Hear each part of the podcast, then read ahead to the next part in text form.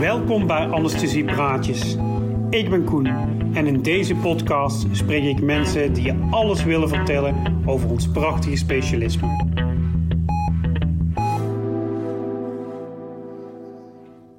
Goeiedag allemaal. eh, Leuk dat jullie weer allemaal luisteren naar Anesthesiepraatjes.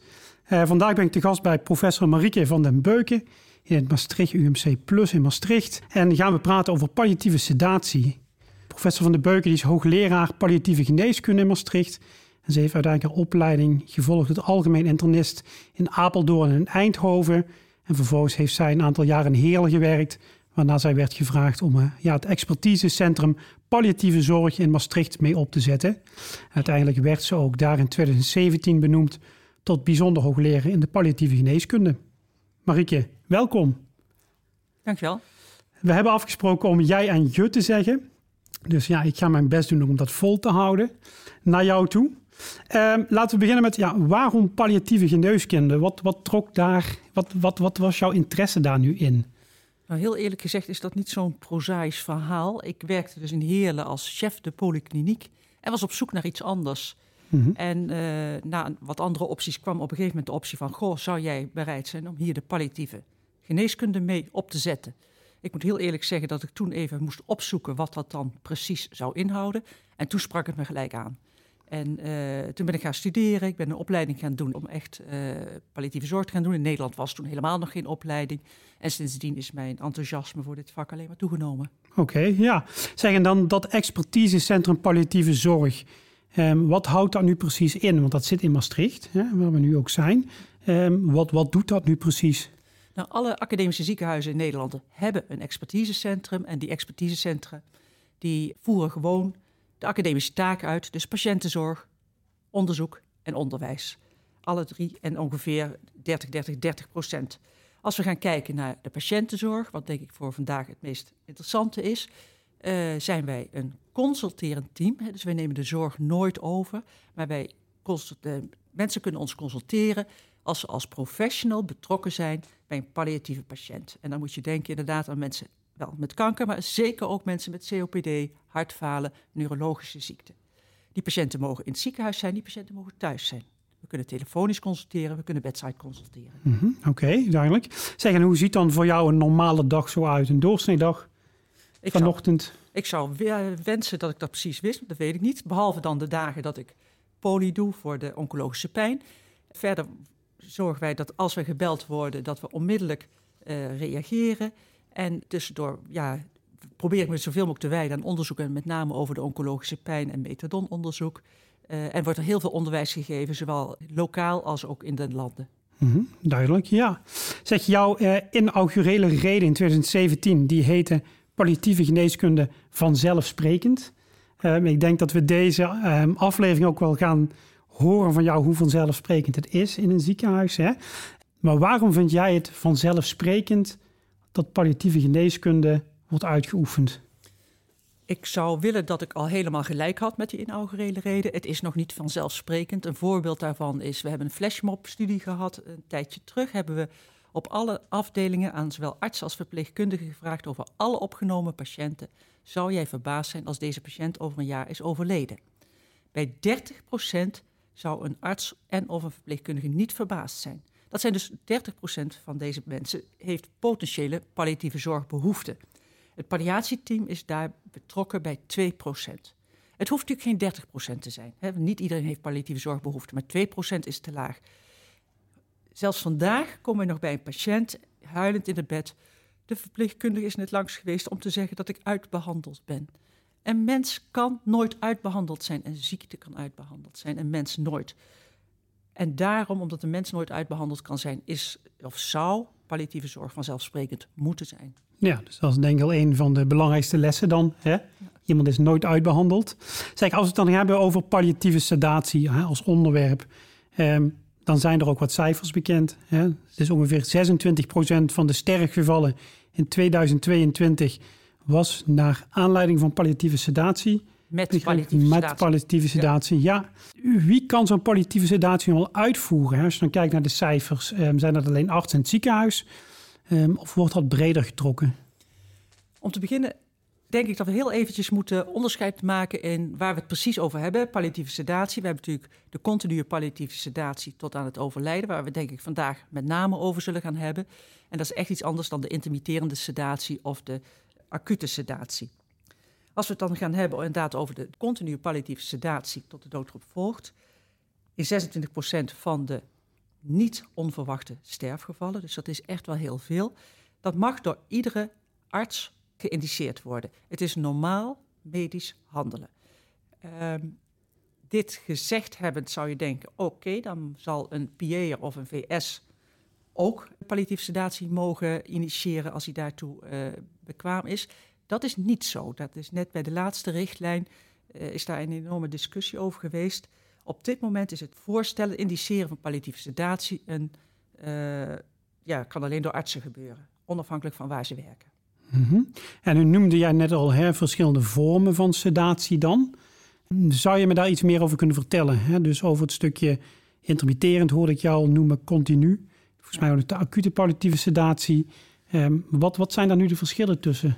Ja, als we het hebben over acute, wat het meest, minst voorkomt, hè, dan moet je denken aan een absolute uh, noodsituatie. Bijvoorbeeld als iemand een uh, blow-out krijgt van een hoofdhalstumor of als er een enorme longbloeding optreedt waarbij de acuut handelen wordt uh, vereist, dan kan het zijn, in het ziekenhuis hebben we op het protocol, dat op de kamer van deze mensen al midazolam klaar ligt. Als dit zich voordoet, kan iemand onmiddellijk gesedeerd worden. Komt zelden voor, gelukkig. Als we het hebben over intermitterende sedatie, gaat het vaak over mensen die toch uh, met name s'nachts veel last hebben, die we niet op een andere manier uh, goed aan slaap kunnen krijgen. Die willen we nog wel eens een keertje zeggen van oké, dan geven we gedurende nachtelijke uren midazolam. Maar we zetten die pomp weer uit, een uur of zes ochtends, zodat iemand overdag gewoon wakker aanspreekbaar is en gewoon kan eten en drinken. En dan heb je verder, gaat alle behandelingen zoals je die wil geven, gaan gewoon door. Alleen wordt iemand uh, geholpen om s'nachts goed te slapen. Als we het hebben over de continue sedatie tot het overlijden hebben we het over niets meer, maar ook niks minder dan het opzettelijk verlagen van het bewustzijn in de laatste levensfase, met als doel het lijden van de patiënt te verlichten. Dat laatste is heel belangrijk. We hebben het dus niet over een slaapinfuus. Het doel is niet slapen. Het is het opzettelijk verlagen van het bewustzijn in de laatste levensfase met als doel het lijden van de patiënt te verlichten. Duidelijk, ja. En nu hoor je natuurlijk nog vaker in de wandelgangen Ehm, dat wordt gezegd continu, uh, continue palliatieve sedatie. Ja, dat is eigenlijk hetzelfde als euthanasie. wat is jouw mening daarover, over zo'n uitspraak? Dat is mijn mening over een uitspraak. Ik denk niet dat ik daar antwoord op ga geven. Maar ik zou eigenlijk liever willen dat de vraag al niet gesteld wordt. Het zijn twee volstrekt verschillende dingen. Het enige wat ze overeen hebben, dat de beslissingen zijn uh, in de laatste levensfase. Palliatieve sedatie is een normale medische handeling. Als arts probeer je de patiënt zijn symptomen te verlichten. En op een gegeven moment, als dat niet meer gaat met de reguliere middelen, kun je voorstellen aan de patiënt: zal ik u sederen zodat ik deze, dit symptoom wel goed kan onderdrukken. Bij euthanasie gaat het over iets van: het is expres het leven verkorten. Op de eerste richtlijn palliatieve sedatie stond op de voorkant ook: er wordt gestorven, niet gedood. Palliatieve sedatie verkort het leven niet. Natuurlijk, als iemand slaapt of het bewustzijn fors naar beneden is gehaald, eet en drinkt iemand niet meer. Maar je mag mij vertellen hoeveel echt terminale patiënten nog veel eten en drinken. Patiënten gaan daar niet aan dood. Patiënten overlijden aan hun ziekte en met het verlagen van hun bewustzijn behandelen we hun symptoom. Ja, precies. Um, stel nu uh, palliatieve sedatie. Um, er komt een aanvraag voor palliatieve sedatie bij jou terecht of bij een van jouw collega's. Um, hoe verloopt zo'n proces dan bij palliatieve sedatie? Um, als wij gebeld worden over palliatieve sedatie, is dat door een zorgverlener die daarbij of hulp wil of even wil sparren of de indicatie goed is. Wij zullen het zelf nooit doen. Wat we dan gaan doen is kijken naar, nou oké, wat is de reden, welk symptoom is refractair? Hè? Want je kunt pas een refractair symptoom hebben als de behandelend arts ook voldoende onderlegd is om dat symptoom te behandelen. dat alle mogelijkheden uh, gedaan zijn of voorgesteld zijn aan de patiënt. Kan ook zijn dat de patiënt het niet meer wil, meer die behandeling wil, dat kan ook. Maar je moet wel voldoende bekwaam zijn om een symptoom te behandelen. Als het dan nog steeds niet lukt en er is een prognose van maximaal twee weken, quod vitam, dan kan er indicatie zijn voor palliatieve sedatie. Dus dat is waar wij naar zullen gaan vragen. Wat Mhm. is het refractaire symptoom en hoe is de geschatte levensverwachting? Ja, en dan eh refractair symptoom, even voor de luisteraars. Ehm, zit daar nog een definitie aan vast? Een refractair symptoom, waar moet je dan aan voldoen?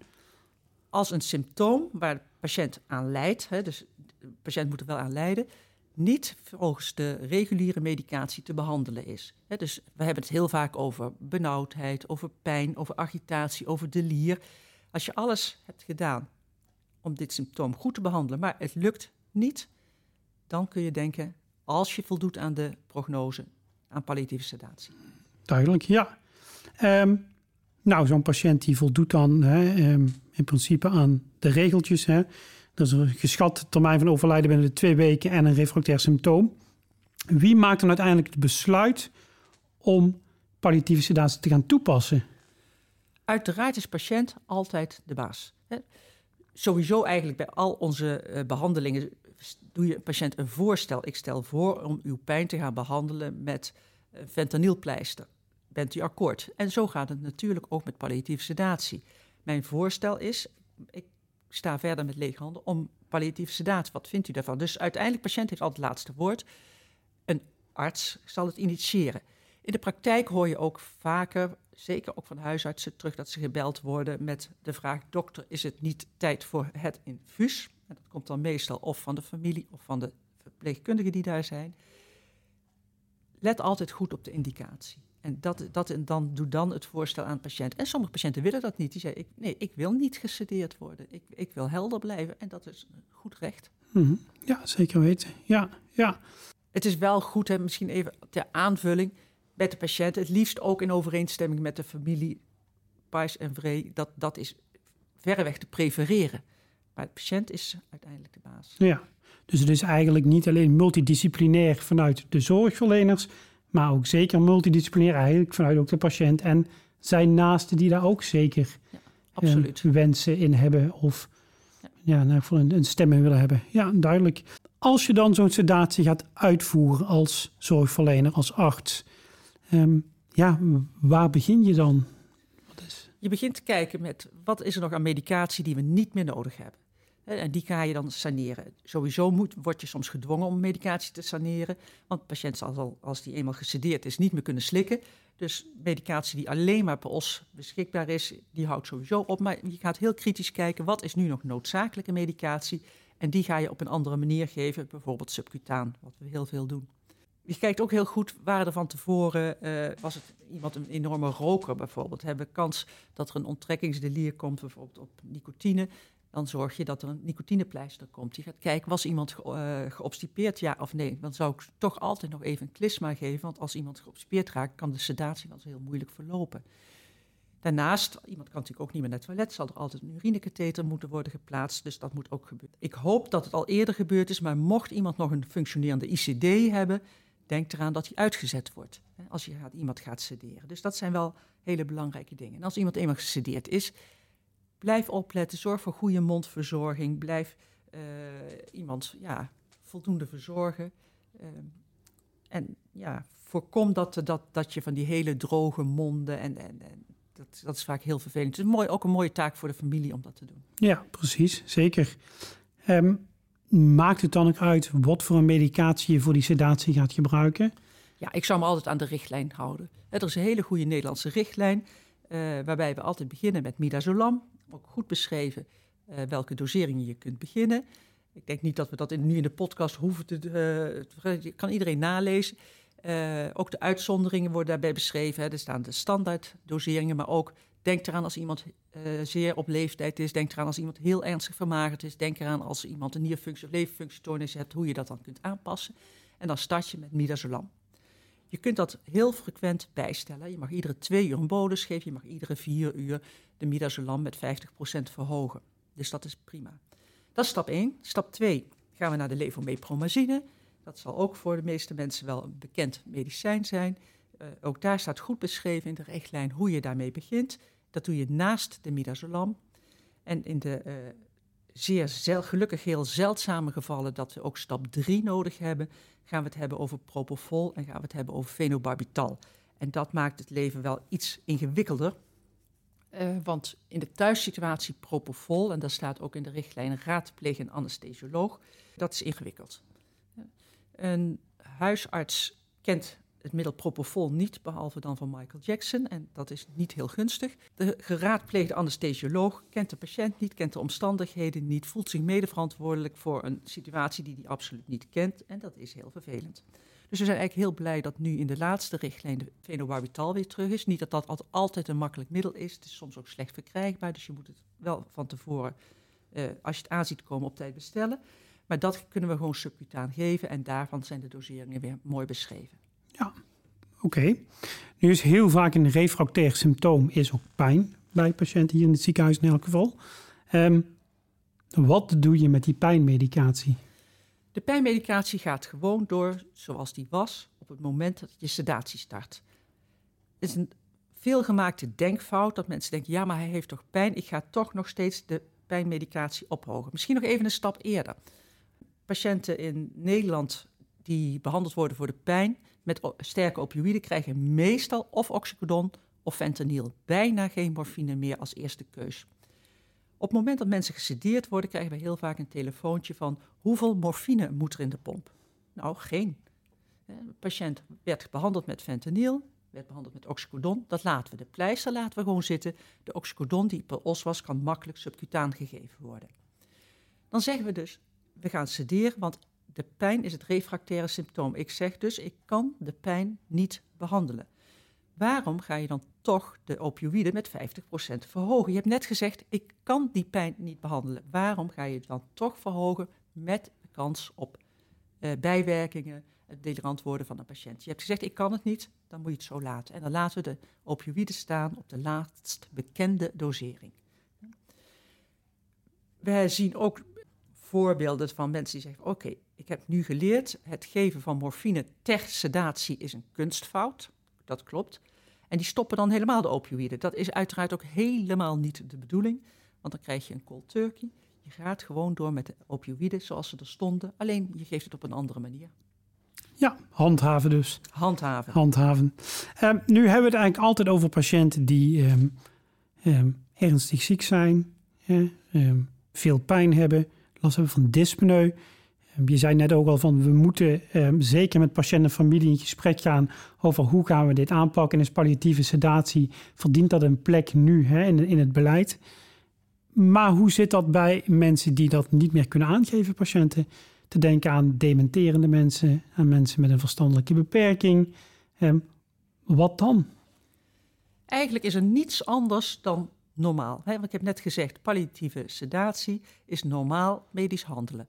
Dus bij mensen die zelf niet wilsbekwaam zijn eh, ten aanzien van dit soort beslissingen, wordt normaal ook door een vertegenwoordiger de beslissing genomen. En of dat nou de beslissing is, uh, gaan we starten met pijnmedicatie of gaan we starten met palliatieve sedatie, maakt in deze geen verschil. Het is normaal medisch handelen. Oké, ja. En ik neem aan dat er dan altijd wel een wettelijk vertegenwoordiger is. Uiteraard. Die dan uiteindelijk de knoop doorhakt, of met jullie in geval een gesprek gaat. Ja, als die medicatie nu is opgestart, um, hoe kunnen we dan hard maken um, of die medicatie voldoende is? He, je noemde net al, he, per twee of per vier uur kun je wijzigingen aanbrengen. Um, maar waar kan ik dan op vragen als arts? Je kijkt naar je patiënt. Dat, dat is eigenlijk het allerbelangrijkste. En je ziet of iemand inderdaad rustig en ontspannen ligt, of dat er toch een vuist is geknald, of dat er toch een, een frons is in het voorhoofd. Uh, dat zijn de zaken waar je vaak zit er ook familie rond.